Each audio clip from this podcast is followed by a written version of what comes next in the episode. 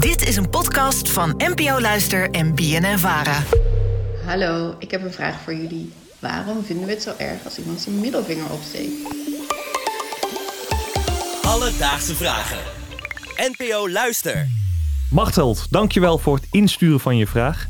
Ja, die eh, middelvinger. Ik denk dat het toch wel een van de meest duidelijke gebaren is die je met je hand kan maken, Merel. Dat eh, lijkt mij wel. Ben je- Niet zoveel discussie over waarom we dat erg zouden vinden, toch? Nee, het is gewoon een belediging. Ja, fuck you. Ik denk dat misschien daarom een betere vraag is eh, voor deze aflevering waar het vandaan komt. Wat is toch die herkomst dat we die ene vinger, als die opgestoken is, dat we dat toch zo kränkend vinden? Ja, maar laten we eerlijk zijn. Het is ook wel een heel duidelijk symbool. Want het is toch wel echt piemel met twee balletjes ernaast. Zie jij dat zo? Ja, wat dacht jij dan? Ik heb er eigenlijk nooit zo over nagedacht over wat het precies Hier. zou zijn. Doe het even naar je. Ja, ik voel me nu diep beledigd, Merel. Dit kun je niet maken. Oké, sorry. Om uit te zoeken waar het vandaan komt, ging ik even het internet op. En al redelijk snel kwam ik erachter dat het iets uit de oudheid is. Ik Een- heb met je meegezocht, dus een- ik heb het gezien. Ja, een erfenis van de Grieken en de Romeinen. En voor meer informatie daarover belde ik met de klassicus Patrick de Rink. Dus Patrick, hoe zit dat met die herkomst van de middelvinger? Nou, als je dat aan een klassicus vraagt, en dat ben ik in dit geval, eh, dan belanden we in de Griekse oudheid, de oud-Griekse oudheid. Dus daar zijn er in teksten dus eh, voorbeelden van het gebaar, het obscene gebaar, want het was een obscene gebaar toen ook al. Eh, dat werd gebruikt. Dus daar hebben we met zekerheid weet van dat het in de Griekse oudheid en later ook in de Romeinse oudheid als een beledigend gebaar werd gebruikt. We zitten wel in een andere culturele context natuurlijk. Hè? Dus het was beledigend. Je steekt dus je middenvinger op en het symbool is eigenlijk dat het een opgestoken fallus is, dus eigenlijk hè, met in dit geval dan vier testikels ernaast. Dat is eigenlijk het volledige gebaar. En dat was een ferme belediging, zeker in de oudheid. Eh, Zeker als je het als man naar een andere man deed, dat gebaar maakte, dan ja, dreigde je eigenlijk met penetratie en passieve seks voor een man. Nu spreek ik dus eigenlijk over de culturele context toen.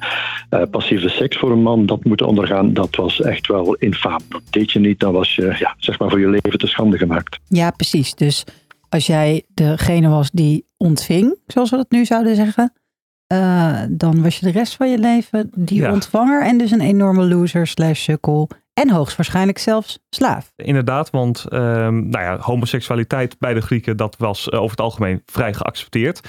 Maar goed, eh, de ontvangende partij zijn, dat was inderdaad iets wat nou ja, vooral aan slaven voorbehielden was. Wat ze echt, wat hij zei, in die culturele context not done vonden. Nee, precies. En wat we nu ook gewoon verkrachting zouden noemen als je dat helemaal niet wil.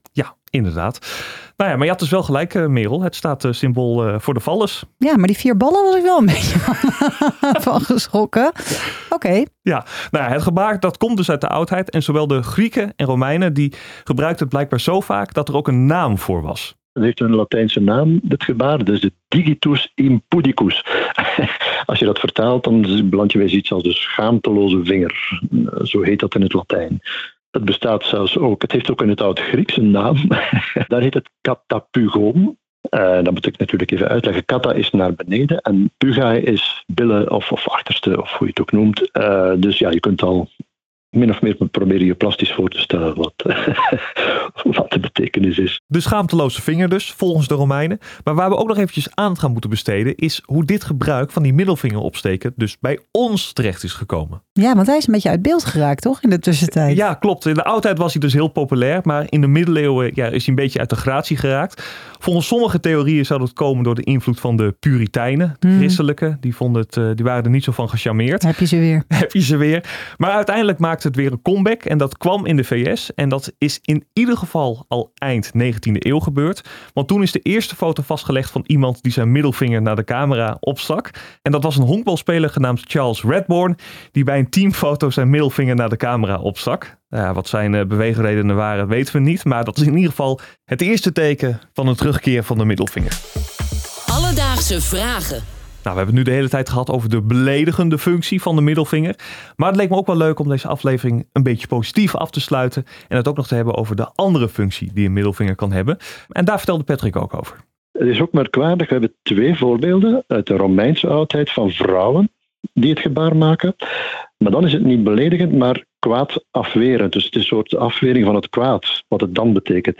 Als vrouwen volgens onze teksten, als vrouwen het gebaar maken, heeft het dus eerder een, een afwerend, een kwaad afwerend uh, betekenis heeft het dan bij hen. Wat ik me wel afvroeg, want, want Aaron, je zei zelf al, er is ook wel iets positiefs te zeggen over dit uh, symbool.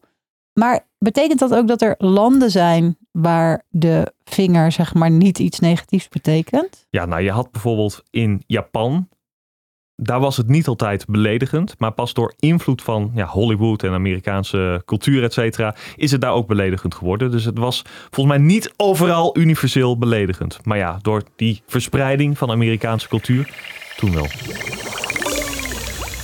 Dus Machtheld, vandaag zochten voor je uit wat de herkomst van de middelvinger is. En hiervoor moeten we terug naar de oudheid. Zowel de Grieken als de Romeinen gebruikten het al om een ongenoegen voor een ander te uiten. Bij hen stond het symbool voor het ontvangen van anale penetratie. Wat in die tijd met name voor mannen een ongelofelijke belediging was. Later is de middelvinger weer opgedoken in de VS, van waaruit het is overgewaaid naar andere landen.